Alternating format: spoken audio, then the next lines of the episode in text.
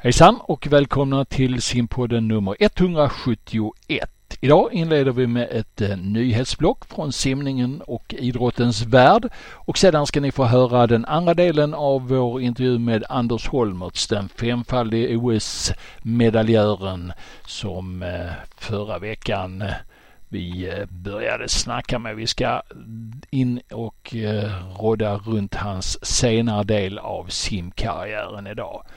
Eh, varmt välkomna eh, allihopa och eh, nu kör vi. Nu ska vi snacka simning. Ja, om de gör det bättre det vet jag inte, men de gör det oftare. Det är ju omänskligt.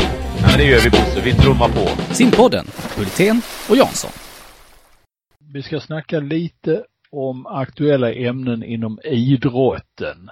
Eh, vår eh, stora drottning i, i simsporten, Sara Sjöström, eh, snackar lite om att kanske skära ner antalet distanser under OS. Mm. Hon har uttalat det i någon av intervjuerna. Hon går i vattnet idag förresten. Mm. Ja, går. Vad ja, ja, ja. Då, ja, det kan jag tänka mig att hon gör kanske. Mm. Så är det nog. Ja, eller kastar sig bara. Ja slänger sig kanske ner på rygg ner och liksom jublar, äntligen. Ja. Eh, vi var ju lite, eller jag var kanske lite för glättig och lite för optimistisk precis när det här hade hänt för tre veckor sedan. Eh, det ska ju inte misstolkas som så att det är en enkel resa Sara har utan eh, hon, eh, det är ju många utmaningar som eh, hon står inför. För. Eh, så att enkelt är det ju inte och det kan man kanske också se när man eh, lyssnar på henne i de intervjuer och de artiklar som har varit att eh, allt ifrån att eh, hon har uttryckt att kanske bara köra några få distanser och då uttryckte hon typ sprintdistans eh, om jag uppfattade rätt. Och då klart, då blir ju en fundering, hur, hur, vad innebär det för lagkapslagen?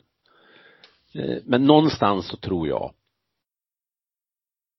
hon kommer att köra sitt program. Och det, det är ju en sån där killgissning som det nu mer heter. Man, man gissar något utan att ha så mycket på fötterna. Mm. Så det kanske är mer en förhoppning än en, en tro. Men spännande blir det att följa utvecklingen. Ja. Ja, vi eh, får följa upp hennes eh, verksamhet här efterhand och naturligtvis så är det ju eftersom hon är Sveriges bästa idrottskvinna så finns det ju alla anledning att tro att hon kommer att bli ett eh, allmänt intresse här närmaste månaderna. Någon gång bedarrar väl skidåkningen någonstans, kan tänka. Du, eh, det är en hel del idrott som ändå rullar. Vi snackar skidor. Eh, både alpint på längden och de som eh, skjuter på varann. Eh, och också cross country tänkte jag säga, men eh, nerförbacken i, i gupp och sånt där som är väldigt eh, spännande och kul och eh, en kul eh, skidvariant. Men eh, friidrott och annat smått och gott är också på gång. Ja, alltså, jag är lite förvirrad eh, att det finns så olika tolkningsutrymmen för de rekommendationer och det är där kanske tricket är. Det är rekommendationer mer än att det är lagstadgade saker därför att precis som du säger så eh, pågår ju väldigt mycket utomhus och det kan man ju på ett vis lite enklare förstå.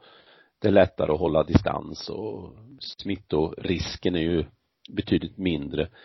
Eh, men sen då friidrotten som ju senast här förra veckan simma, eh, simmade, genomförde eh, deras inomhus-SM. Inomhus-SM i Malmö ja. Ja, exakt. Och de har ju också kört på, de, de körde på i somras. Där till exempel då simningen valde att flagga ner. De har kört på i vinter med små tävlingar, det var några tävlingar i Växjö som det sattes något rekord i, i kulstötning till exempel. Och sen då orienteringen till exempel som har sin 10 mila eh, tävling, eh, mycket traditionsrik. Eh, de valde tidigt att ställa in. Eh, nu kan ju inte jag riktigt eh, om formatet och så men jag ser ju framför mig att även en sån tävling skulle kunna corona-anpassas. Eh, varje dag just nu, trots att det är tiotusentals eller hundratusen turister uppe i Dalafjällen så pågår det ju mm, skidtävling varje dag.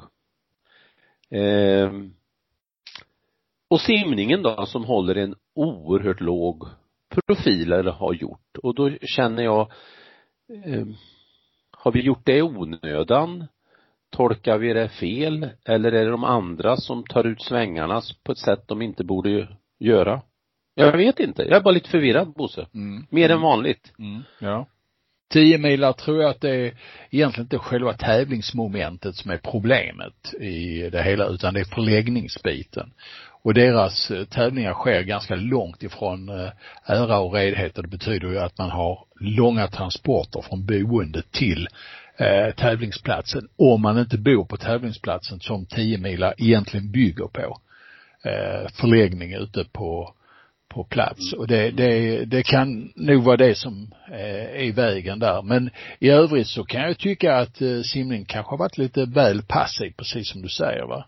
Eh, och inte riktigt tagit tag i eh, det här eh, och samarbeta på ett sånt sätt som man egentligen borde kunnat. Jag vet inte vad, vad felet är. Om det är lathet någonstans eller okunskap eller vad är det för någonting? Nej, jag tror inte det varken lathet eller kanske okunskap. Det kanske är en form av lite försiktighet. Jag kan ju tänka mig att eh, Eh, en klubb som vill göra saker och ting, de, de tittar på hur, hur, hur tänker man på förbundet och har då förbundet en låg profil, en extra stark försiktighetsprofil om jag uttrycker mig så, då är ju chansen, risken, eh, välj själv, stor att även klubb tänket blir likadant och så blir det väldigt mycket inställt där man istället kanske skulle ha kunnat genomfört saker och ting.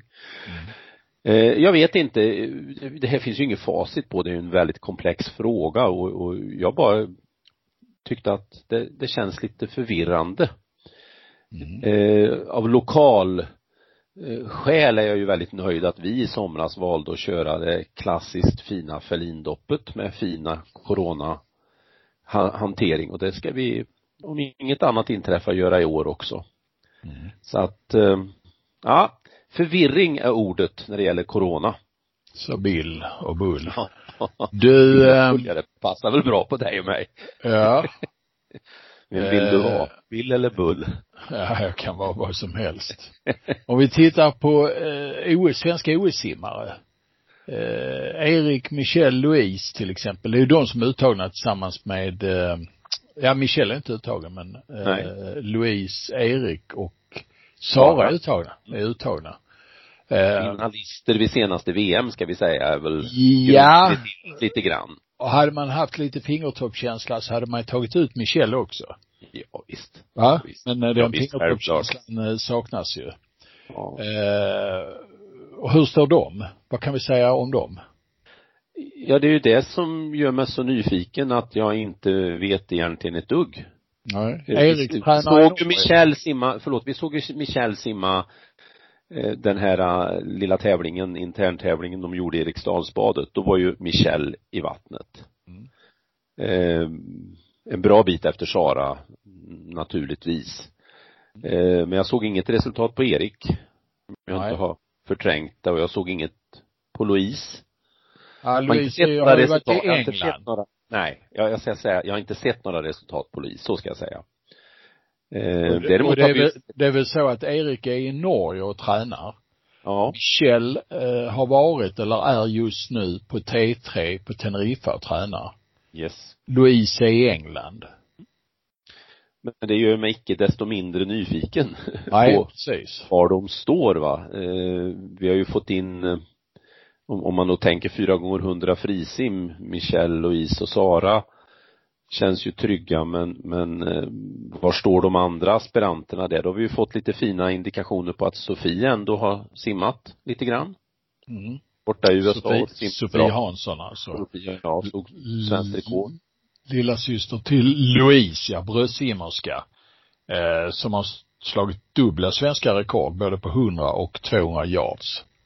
Och spetsa lite grann tror jag på att ta eh, den där, om vi kallar det fjärdeplatsen i 4 gånger 100 laget Tror jag. Ja, alltså på något sätt är hon, känns hon ju lite som eh, ett väldigt bra eh, fjärde, femte eh, kort i det här sammanhanget. Eh, även om hon inte har visat kvaliteten simmässigt. Eh, det ska vara en eh, 54 låga tjej som sämst, 54 blank skulle jag vilja säga i lag som är med där och där är hon inte ännu. Och man hade ju hoppats att någon skulle fejsa upp här, steppa upp ordentligt av de här yngre men det känns inte som det har hänt riktigt så mycket än. Nej, och vi ska väl lägga till då eftersom det inte pågår någon större tävlingscirkus så blir det än svårare att, att läsa av. Eh, Det finns ju fler där. Hanna Eriksson. Hanna Eriksson, ja det är hon som har legat närmast till. Eh, Tormalm, mm, Klara Eh, ja. till exempel. absolut. Mm, Borta i Thailand har vi Idam eh, Marco Varga. mm. Som man ser artiklar om lite då och då att hon ändå har en tanke om att försöka ta en, en plats. Och men frågan är om, om, om det liksom går att eh, göra någonting där bortifrån. Ja. Ja, det Ja, hon är ju på ett många ständigt, frågetecken. Ja, hon är ju på ett ständigt eh, träningsläger naturligtvis. Va? Mm. Mm. Och har en, eh, är ju gift med en ypperlig tränare i form av Sebastian och de två tillsammans har ju en mängder av erfarenhet såklart. Mm. Sen fortsätter ju Magdalena Kuras att tävla, om jag har Mm. förstått rätt. Mm. Vi ska säga att eh, Alma Tormalm är den som eh, när det gäller kort bana har den bästa tiden i år eh, på 100 fritt. 54-59. Och jag sa Klara. Ber Ja. ursäkt för det. Ja, men eh, det är inte helt tokigt det heller. För att sen Hanna Eriksson är näst bäst på 55 och 50. Mm. Sen är det eh, inte mycket bevänt sen bakom eh, de två här, Alma och Hanna, eh, rent statistikmässigt, eh, kan sägas. Sen i lång bana är det ju då Sara Junevik som har stigit fram och blivit lite eh, frisimmerska. Mm.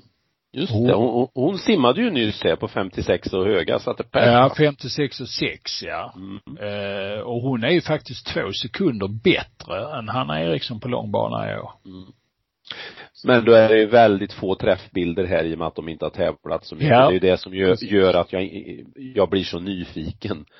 Var står de? Kommer alla eh, frågetecken rätas ut här om en dryg månad när det blir swim open och så vidare? Eller kommer det att öka antalet frågetecken? Mm. Ehm, det är ju på väg att bli en rekordliten OS-trupp. Ja. Och, och sen skadad stjärna. Mm. Alltså det är ju en ingen lätt sits för varken simmarna eller eh, ledarna att knyta ihop den där säcken på ett bra sätt. Nej. Och då har vi nämnt några namn här. Vi har nämnt eh, 4 gånger 100 laget eh, Det finns ett medleylag där Louise naturligtvis fasar in på ett sätt som gör att de ska vara med också. Men eh, sen har vi grabbar. Det finns Viktor Johansson, eh, Robin Hansson, Björn Seliger. Kan det vara någonting, de här unga herrarna? Ja, ja Viktor är ju, vad ska vi säga, oerhört nyfiken på om han klarar att eh, komma tillbaka. Eh, för han har ju haft en minst sagt krokig resa. Då handlar det ju inte om några veckor som han har fått eh, tappat bort utan vi pratar ju om massor av månader. Eh, sen har han en bit fram eh, om vi tittar individuellt. Han måste bli, det är ju på 800 frisim han är närmast. Men han måste bli en del bättre för att eh, kvala in. Mm. Sen frälsarna då, Robin Hansson och Björn Seliger. Det Seliger i, i, igår simmade rasande fort. Mm. 41-21. Ja, i Deras Cal. Berkeleys lag i uh, Pac-12 i Houston. Och eh, det ska bli spännande att följa honom här nu fram till och med onsdag när den här konferensen går och se vad han kan prestera. Mm, han eh, simmar ju 50 frisim idag. Det kvalet startar väl om några timmar kan jag tänka mig. Mm. Eh, där borta. Där har han ju ett personbästa om jag förstått rätt på 1923 i, i yardsbassäng. Mm. Eh, ja, kul. 41-21 är mäktigt. Han tror jag, snabbast av alla frisimmarna i den där lagkappen. Ja. Och ställt det i relation till en sån eminent simmare som Lasse Frölander så nåväl, det var flygande men det var en sekund snabbare. Mm. Han har fyra lopp som han ska göra under uh, resan i, uh, i Houston nu, Seliger. Det, det börjar alltså med 50 fritt. Uh, sen är det 200 fritt. Han ska simma 100 rygg och 100 eh, yards frisim. Så de fyra loppen plus lagkapper. Det är hans pensum. Mm. Så det mättar ju nyfikenheten i alla fall på en punkt. Hur står mm. sig han? Mm. Och hur har det gått för honom där borta? Det är ju inte varit så lång tid han har varit där. Nej. Nej. Och Robin Hansson, oh, förlåt. Och Robin Hansson visade ju, tyckte jag, gott gry eh, på den här tävlingen i eh, Eriksdalsbadet. När han noterade eh, Tre lopp. I. Ja. ja, tre lopp under 1.49 va? Mm. Delarna mm. under till och med. Mm. Mm. Och de två är ju lite utav förhoppningsvis frälsarna på, på, på herrsidan. Men eh, det är många pusselbitar som ska på plats. Ja, det är det. Absolut. Ja. 1.48.50 var hans bästa tid ska sägas. Ja. Så att om, om det var förvirrad som var ordet när det gäller corona och osäkerhet vart det tar vägen när det gäller Sara så är nyfikenhet ordet vad gäller hur det står till med våra svenska kommande eventuell OS-simmare. Mm. Mm. Ja. Det blir spännande. Vi ska försöka och, riktigt eh, grotta in oss i eh, exakt vad som eh, har hänt om var och en här eh, och plocka fram tio stycken OS-simmare för er nästa gång så ska ni få dem helt dagsuppdaterade, dagsaktuella. Ska vi se om vi, vi kan ge er riktig, riktig information. Det är inte bara killgissningar emellanåt och frågetecken utan uh, lite klarare. Jaha, vad har du mer att säga? Eh, du säger, du, du säger att eh, Seliger blir intressant eh, och det ska vi följa. Någonting annat? Nej men alltså även om vi forskar i lite mer underlag och har lite så, så det är klart att eh, vi sitter ju i sitsen att vi också kan göra lite gissningar. Eh, och det är väl som så att facit, det blir det först när det blir tävling.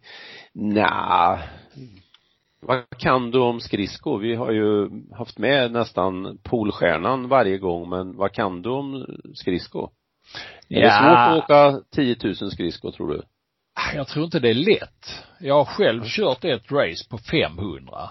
Ja. Eh, och det, jag tycker det är spännande. Det är en av de absolut vackraste idrotterna som finns att se på. Inte när jag kör, men när andra kör.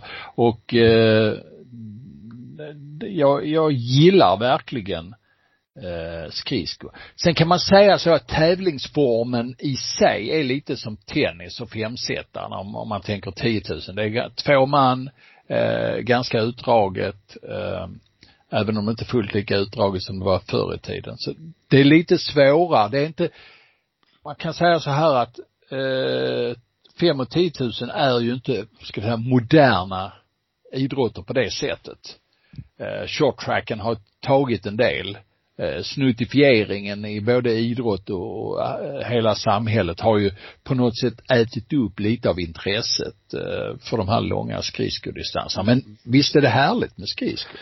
Ja, jag har gjort en liten spaning, ehm, eh, ja, lite slumpens skördar, men om man tittar tillbaka lite i, i vår idrott och i löpning och skidåkning och sen skridsko så kan man finna att skridskon var väldigt tidigt ute med att eh, lägga fokus på att hitta jämn fart i ett lopp. Och, och utan att veta exakt varför de var tidiga så kan jag tänka mig att det beror på den eh, arbetsställning som de har. Där de alltså sitter hela tiden med krökta ben och de här stora musklerna som gjorde att de väldigt snabbt syrade till om de skulle hålla för hög fart och det innebar att redan på 60-talet så handlade det om att precis som van der Poel gjorde nu eh, eh, hålla oerhört jämn fart för att få bästa sluttid. Tittar man på vår idrott så kan man säga att de första starka signalerna på, på det det kom egentligen, nu, lite, lite förenklat uttrycker jag mig här, så kom på 80-talet när frekvenstänkandet blev mer aktuellt så insåg man liksom vikten av att hålla tekniken, hålla farten och så vidare. Och, och skulle man gå ut och titta på de lopp som är runt om i världen de senaste åren kan man säga att i världssimningen har det i princip eh, slagit igenom på alla håll och kanter. Sen finns det alltid de här ytterlighetsexemplen. Och i svensk simning eh, finns det embryon åt det hållet men, men fortfarande så är det kanske för många som inte lägger fokus på, på den biten. Så det var en, en liten sån där spaning. 60-talets skridsko var moderna. Mm. Ja, ja, en fundering. Du frågade om Ja. jag hade något mer och då, Ja. då, då, Då blev jag fick jag prata om det. svaret. Ja, nej. Ja. Ja, men det är lite kul faktiskt. Ja. Det är kul skridskor, tycker vi. Det är kul med idrott överhuvudtaget. Gäller bara att eh, den eh, presenteras på ett vettigt sätt. Ja. Eh, ja, någonstans där så drar vi väl ett streck idag. Det är inte som eh, repet i Mångsbodarna direkt, men ett streck här för att eh, alldeles strax ge er andra delen av Anders Holmerts story. Och eh, då lämnar vi ordbild över till eh, Anders och eh, den fortsatta inspelning från en vecka tillbaka. Så tackar vi så hemskt mycket för idag herr eh, Jansson och så får vi höra det alldeles strax igen. Så är det. Kan, kanon. Hej hej. Nu ska vi snacka simning. Ja, om de gör det bättre, det vet jag inte, men de gör det oftare. Det är omänskligt. Ja, men det gör vi Bosse, vi trummar på. Simpodden, Hultén och Jansson. Sådär ja, då är vi inne i andra halvlek med snack simpodden Hultén och Jansson med Anders Holmertz. Vi har kommit fram till året 1991 och på något sätt ska vi landa och grotta ner oss i 92 men 91 det var ju ett EM-år. Eh, EM i Aten och eh, Jansson du var lite inblandad i landslaget då eller? Nej, inte alls på det mästerskapet men däremot så kommer jag ihåg att det blev en eh, neslig nionde eller tionde plats för fyra gånger två laget eh, där som man kvalificerade sig inte till final och det är ju lite extra eh, kul med tanke på meriterna före det mästerskapet men framför allt på de meriter som blev i och med Barcelona, Rom och eh, Atlanta. Mm. Anders, vad minns du om 91 och EM? Du simmar final på fyra gånger hundra och där tog ni ett, ett brons vill jag minnas va? Ja. Ja, vi, det blev ju inte många medaljer på det mästerskapet för Sverige. Det var väl den och sen var det någon individuell mer. Jag tror två, två tre medaljer på sin höjd då. Totalt. Så att det blev ju ganska tunt det. Och fyra gånger två var ju en, det var, det var en missbedömning helt enkelt. Jag, jag simmade ju inte försöken. Bland annat och jag har för mig att även om det var Tommy Werner eller Christer Wallin som stod över.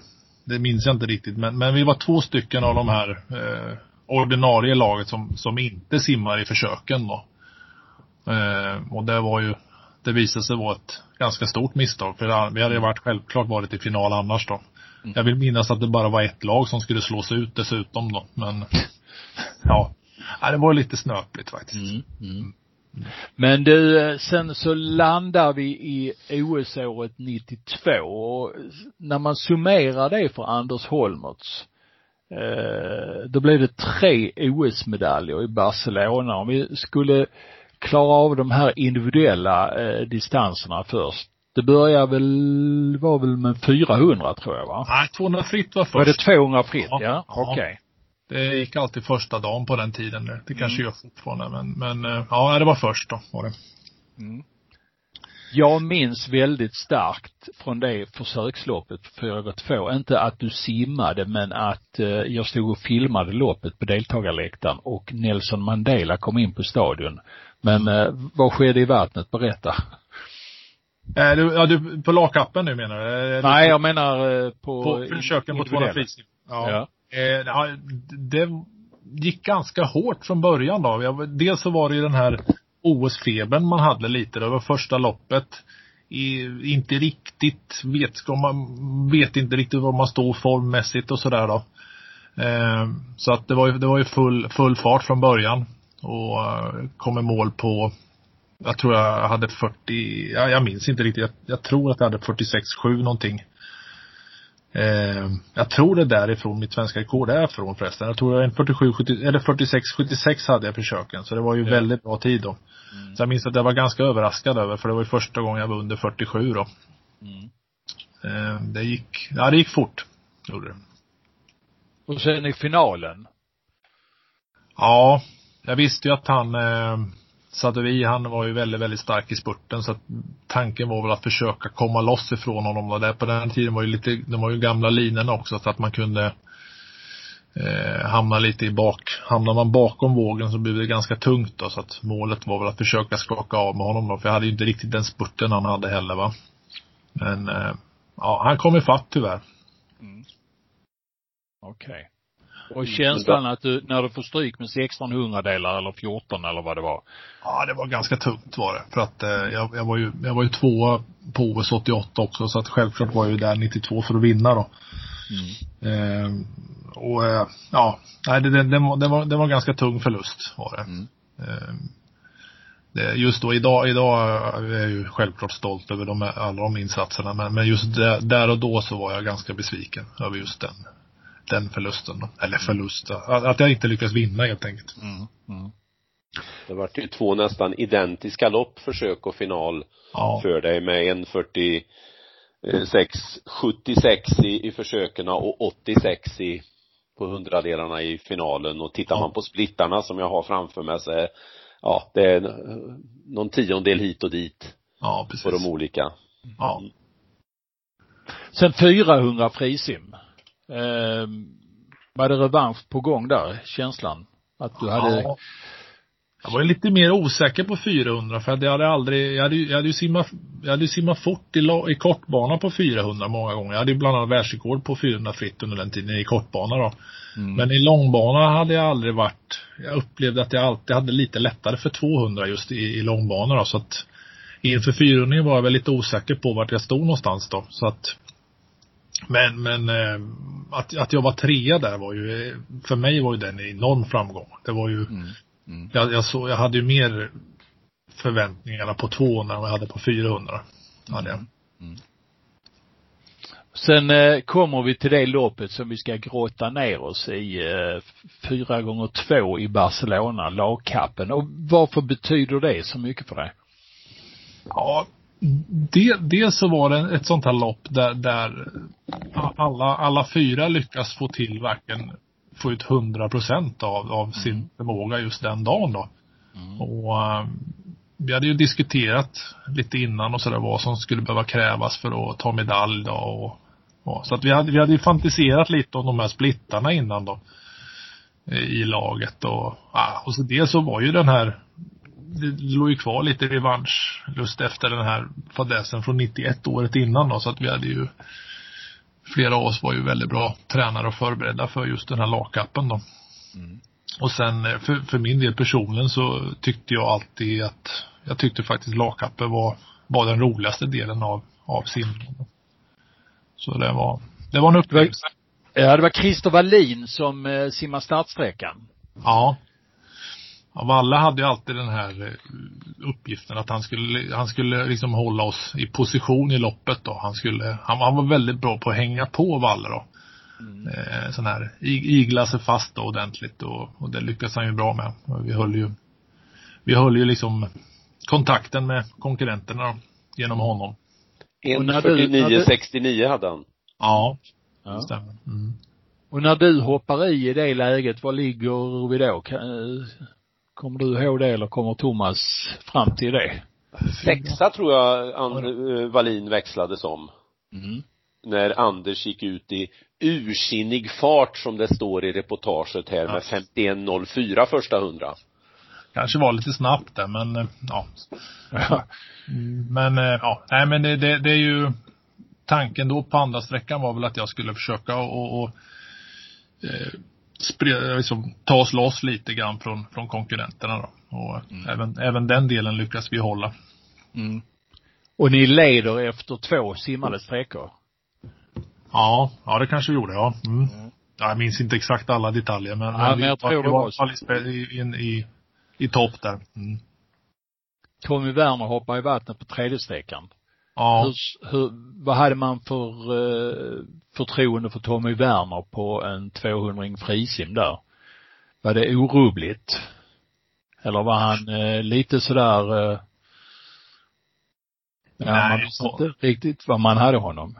Tommy var väl förberedd på den tiden för 200. Det var ju, det, vi hade ju ett bra lag och han var ju, Tommy tränade ju även för den delen. Han hade ju en historia på många bra 200 Han var väl först i Sverige under 1,50 bland annat, minns jag. Så att han, han har ju bra erfarenhet av det. Så att det var, det var aldrig något tvivel på Nej. att han skulle kunna göra den eller inte då, utan det var, han levererar alltid.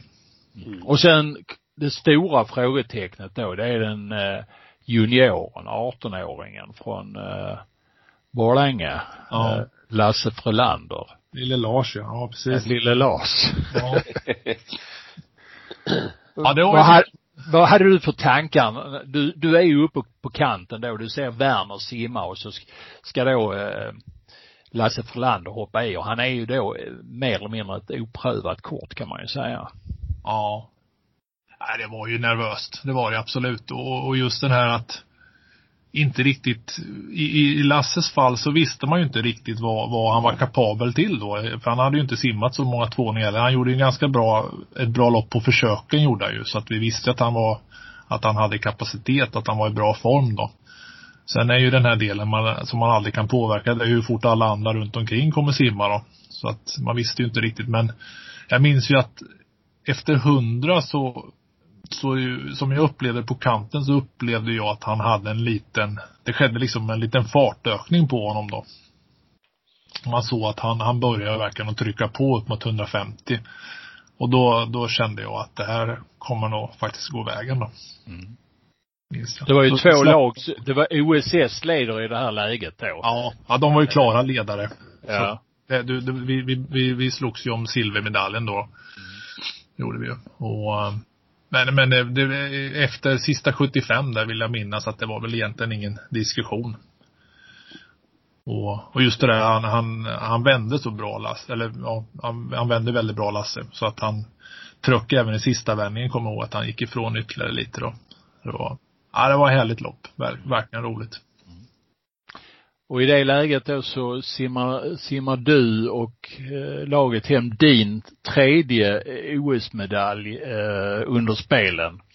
Eh, och när, när jag tänker tillbaka på den tiden, nu får du ju säga precis eh, vad du tycker, så, så känner jag att du var värd eh, åtminstone ett individuellt guld på 200 frisim. Ja, ja jo, det, det var ju det som var målet i alla fall. Var det ju. Det var ju, det var ju det jag var eh, siktade in mig på. Och eh, ja, jag var ju där faktiskt och, och snudda på det. Så att, Mm, mm. ja. Mm. Och idag är du stolt och då var du förbannad efter Ja, målgång. ja, ja, precis. Man har ju, Mm. man har omvärderat det där lite. Mm. Man, Mm. man blir äldre och ser att det, ja. Ja. Ja, och så ble, är det då, eh, du kommer hem från OS 92, eh, i det läget så är du inte fyllda 24, men du ska fylla 24. Eh, hur långt fram ser du då i, din simkarriär? Eh, då, då hade jag faktiskt inte sett längre än till 92 utan jag hade jag hade till och med faktiskt pratat i termer om att det kanske skulle bli det sista OSet då. Mm. Eh, vad, vad det var som gjorde att jag fortsatte egentligen, det minns jag inte riktigt faktiskt utan jag, jag tog väl lite ledigt där, inte allt för länge men tre, fyra veckor kanske. Mm. Och sen så um, började jag träna lite smått igen då och ja, det, det, det, blev, det blev nya mål då ganska snabbt så att det hängde. Vi gick mot EM 93 istället då. Mm. Sheffield. Ja, precis. Och så var det VM 94 i Rom och där eh, var det återigen eh, eh en, ett silver på 200 frisim och så kommer lagkappen där, 4 gånger 200 Ja. Och då vinner ni den helt plötsligt. Ja, helt plötsligt kan man ju inte säga, men ni vinner den och det var ju verkligen, verkligen stort. Ja, det var det. Jag, jag minns inte, jag, jag, jag tror, vi vann inte 93, men frågan om vi inte var diskade då kanske. Oh, det det, var, så var det i var- Sheffield. Vi, vi tog medalj, vi var på medaljplats. Jag kommer inte ihåg hur, om vi vann eller inte, men, men diskare, vi, vi vart ju diskare då så att men eh, och så, ja, in, inför 92, eller vad säger jag, 94 så hade det ju skett lite en eh, omväxling i ryssarnas lag med. De hade ju det här laget från 92, även 93 tror jag. De hade ju, Sadovi var kvar, men sen försvann ju han då. Så de, de eh, försvagas ju lite grann där, det ryska laget då. Och men vi lyckades bibehålla vårat, våran stomme i vårat lag då. Och eh, det blev guld där och det var och vi, vi var ju inte, vi, vi, vi var ju ett bra lag under den tiden så att vi var egentligen inte förvånade över att vi vann, vi var väldigt glada för det då. Men eh, då, var, då var vi ju ett etablerat 4 gånger 2 lag då som var med och, och slogs på alla mästerskap. Vi vann även 4 gånger 2 på VM i kortbana där. På vintern innan tror jag. Ja, just det. Mallorca. Ja, precis. Ja, ja. För, för mig när jag, när jag tittar på idrottshändelser och, och simning i synnerhet så tycker jag ju att det här guldet eh, faktiskt förtjänar en mycket, mycket, mycket högre status i den, i folks medvetande. Eh, och, och lägger man då till de här två silvrena 92 och 96 så är det ju en eh, mäktig glansperiod av en laginsats av svensk simning. Mm. Ja, jo det var det verkligen. Och det var, nej det var, det var, det, det känns eh, väldigt stort att vara, att ha varit delaktig i det. Mm. Mm. Men det är klart, 94 guldet där, det försvann ju i en, ett fotbollssparkande. Ja. Det var ju det som räknades den sommaren. Ja. Ja. ja Jaha. Mm. Sen eh, rullar vi vidare framåt och så blir det ju då eh, efter ett EM 95 i Wien så blir det ändå ett OS till Mm.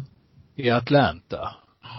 Du, då är du eh, lite på slutfasen där som simmare känns det ju som om du hade tankarna på att sluta redan 92. Ja. Ja, jag, jag, jag, jag var ju på väg bort igen eh, 94 minns jag och då vet jag att Hasse Kronak övertalade mig då att eh, fortsätta under en tid till då. Vilket jag är glad för idag att han gjorde. Och så att det, ja, då var jag på sluttampen och, och jag, i den vevan så tänkte jag ju mycket på, i och med att jag hade ju simmat på en professionell nivå under ganska många år. Jag hade liksom inte gjort någonting annat och det var inga jättepengar i idrotten heller då, så att jag visste ju att jag var tvungen att börja ta tag i mitt liv då efter simningen så att blev ju mycket, mycket sådana tankar hade jag under den perioden och sen tränade jag väldigt mycket men jag tror att liv, livet, tankarna på livet efter simningen fanns redan där som påverkade mig lite kanske. Mm. Men du kunde försörja dig på simning? Ja, det kunde jag under göra. mitt, ja. Ja, det kunde jag göra under den, under den tiden som, som simmare då. Mm. Vi hade ju, vi hade stöd från förbund och sponsorer och, och, och sen så även den här världscupcirkusen då som gick då. Var ju, Det fanns ju även då, då möjligheten att tjäna lite pengar då. Mm. Mm. Atlanta 96. Vad minns du från det? Ja, individuellt ganska tungt. Jag var väl fjärde plats på 200 fritt. 400 fritt har jag förträngt faktiskt. Jag vet att jag var i final men ingen aning om jag kom där. Sjua Eh. något sånt där va? Ja, Mm. Och sen så, ja, sen hade vi ett 4 gånger 2 lag igen då. Med, med, det var ju, ah, vad hette det, Lyrbring va? Anders Lyrbring, ja precis. Var, bytte ut Tommy Werner. Tommy Werner hade ju slutat då i den Mm. tiden så att Det var, då var det ju en rutinerad Lars som, som var istället och, och jag och Valle då som lite old boys va. Mm. Mm. Så även det är en höjdare faktiskt, var det ju. Och ännu en medalj. Ja. Och då, då i Atlanta. Eh, vad minns du från det loppet? Ja, det var det, taktiken var väl liknande vi hade gjort 80, eller 92 tror jag. Utan det var, det var ju, vi, vi la ju i Anders Lyrbring på sista sträckan där med då, så han fick ju då samma upp, uppdrag som Frölander hade haft gång, OS innan där. Mm.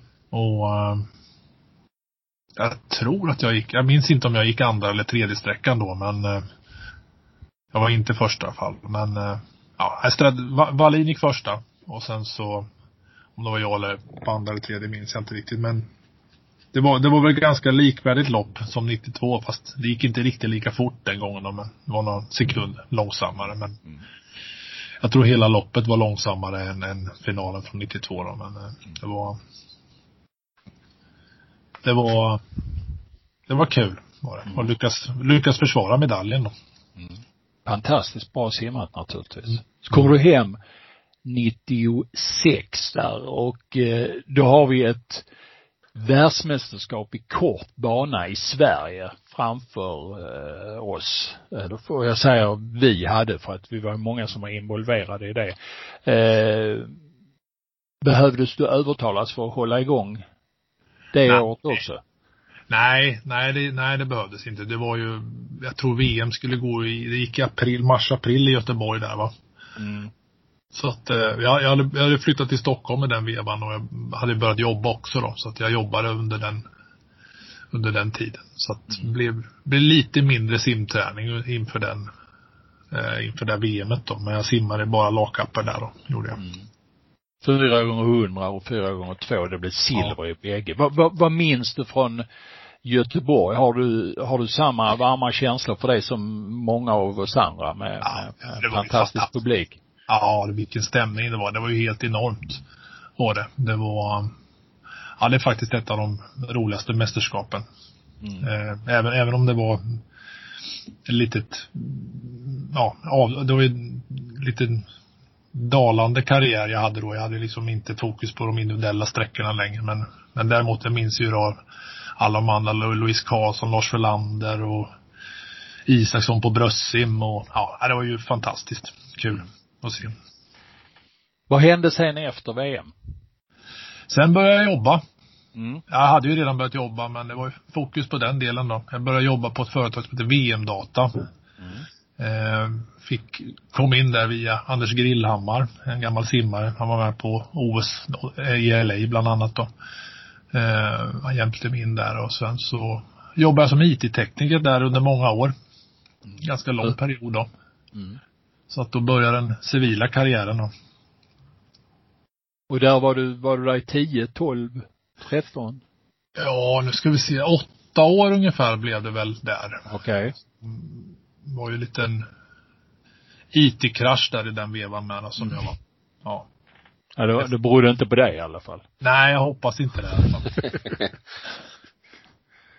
Vad hände sen, jobbmässigt? Sen jobbade jag under en tid som eh, i försäljning, jobbade med försäljning inom kopieringsbranschen. Alltså till, tillbör till kopieringsmaskiner då. Som färgpatroner, papper och häftklamrar och ja, allt vad det hette då.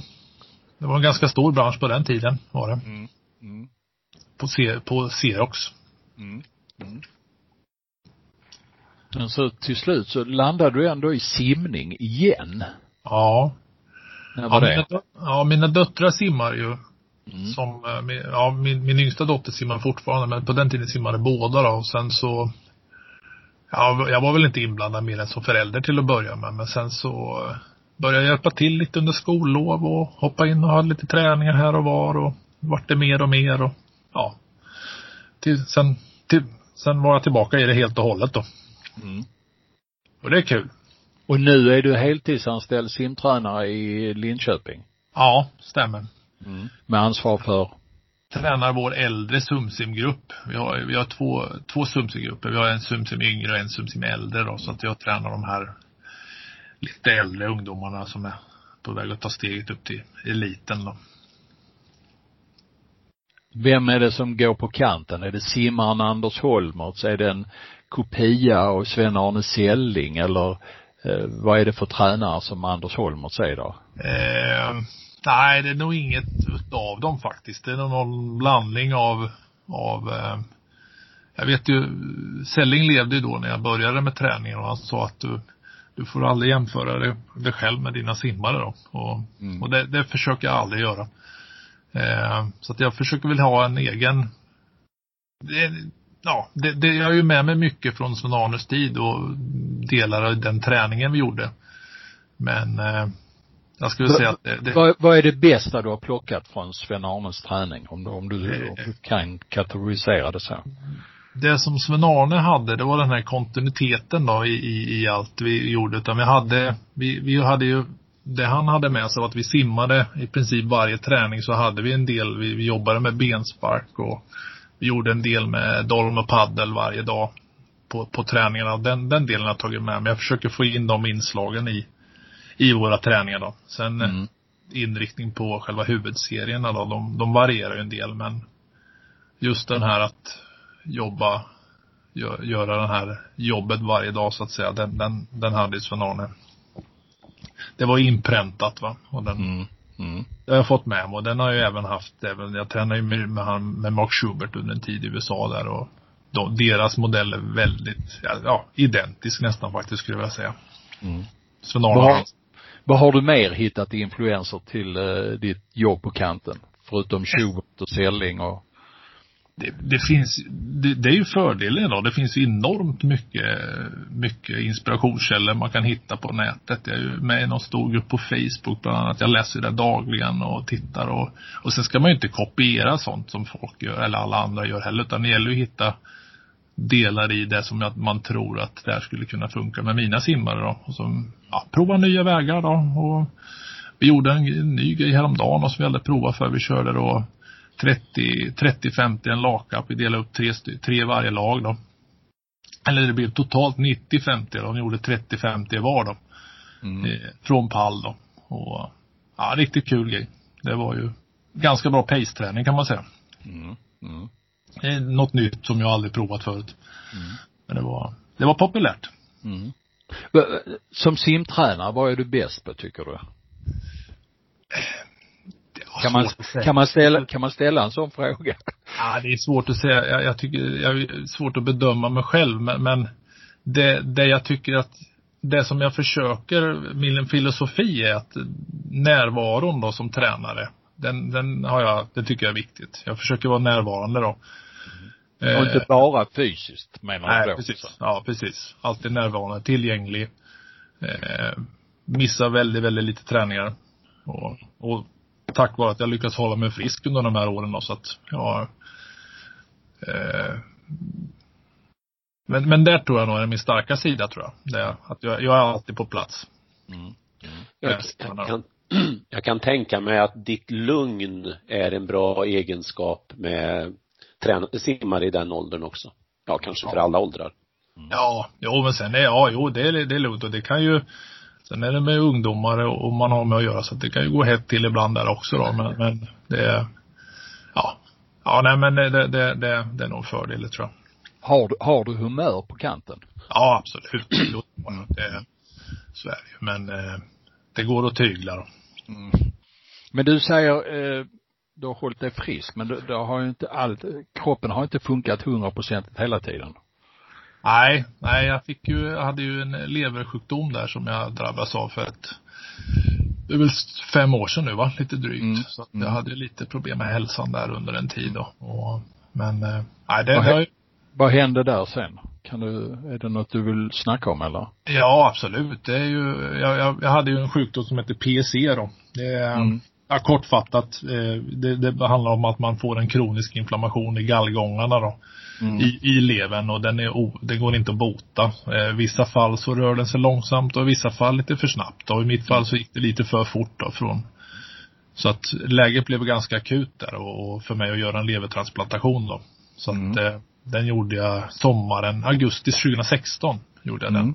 Mm. Mm. Uh, och ja, det har gått jättebra sedan dess. Jag, mm. Har det varit en tuff eh, väg tillbaka från operationen där eller? Nej, det var ju hösten där.